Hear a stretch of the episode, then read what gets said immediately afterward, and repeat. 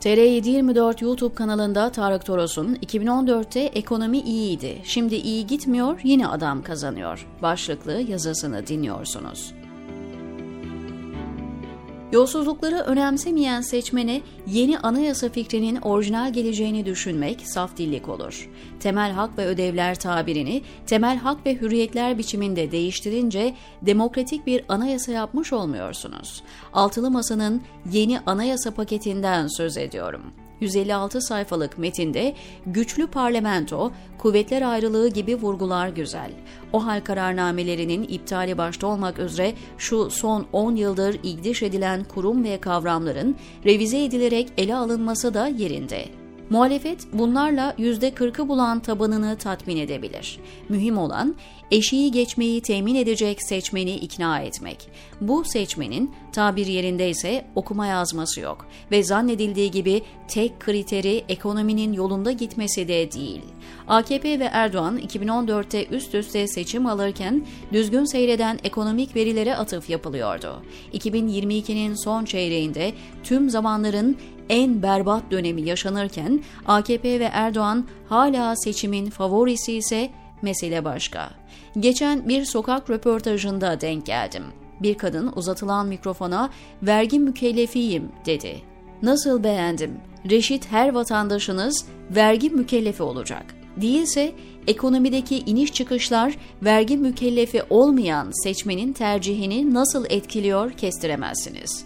ABD'de ürün etiketinde vergisiz fiyat yazar. Kasaya gidince vergisini öder, dramınızla yüzleşirsiniz. İngiltere'de de böyle değil. KDV dahil ama.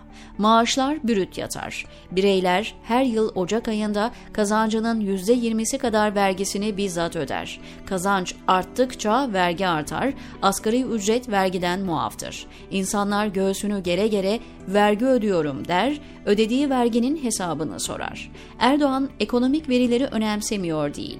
Şu son bir hafta içinde kağıt üstünde de olsa Suud ve Katar'dan 5 artı 10 milyar dolarlık destek geldi. Ekonomistler 2023 başlarında enflasyonun gerileyeceğini, Nisan-Mayıs aylarında %35-40 seviyelerine kadar inebileceğini öngörüyor. Fiyat artışları devam etse de Erdoğan çıkıp bakın faizi tek haneye düşürdük, enflasyonda sonuç almaya başladık diyecek. Tabeladaki enflasyonu da halletti mi? Geriye ne kalıyor? Altılı Masa 28 Şubat'ta kuruldu. 28 Kasım'da 9. toplantısını yaptı. 9 ay sonra henüz ortak aday doğmadı.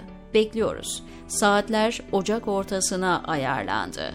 Egosu olmayan, halkın 7 yıllığına seçtiği, sonra siyasete veda edecek bir cumhurbaşkanı tarifi var. Peki halktan oy isterken neyi nasıl vaat edecek? 7 yılda bu vaatlerini hangi başbakanla birlikte nasıl hayata geçirecek? Geçiremezse kim denetleyecek? Üzerinde pek düşünülmemiş, cevapsız sorular bunlar. Şu gün bir taslak sadece. Taslak olmayan gerçekse Erdoğan'ın Bahçeli ile birlikte belirlediği kurallar altında bağlı tüm devlet mekanizmasıyla yaka paça olacağınız bir mücadeleye gireceksiniz. Yapacağınız şey basit seçmenin önüne 156 sayfalık bir metin koymayacaksınız.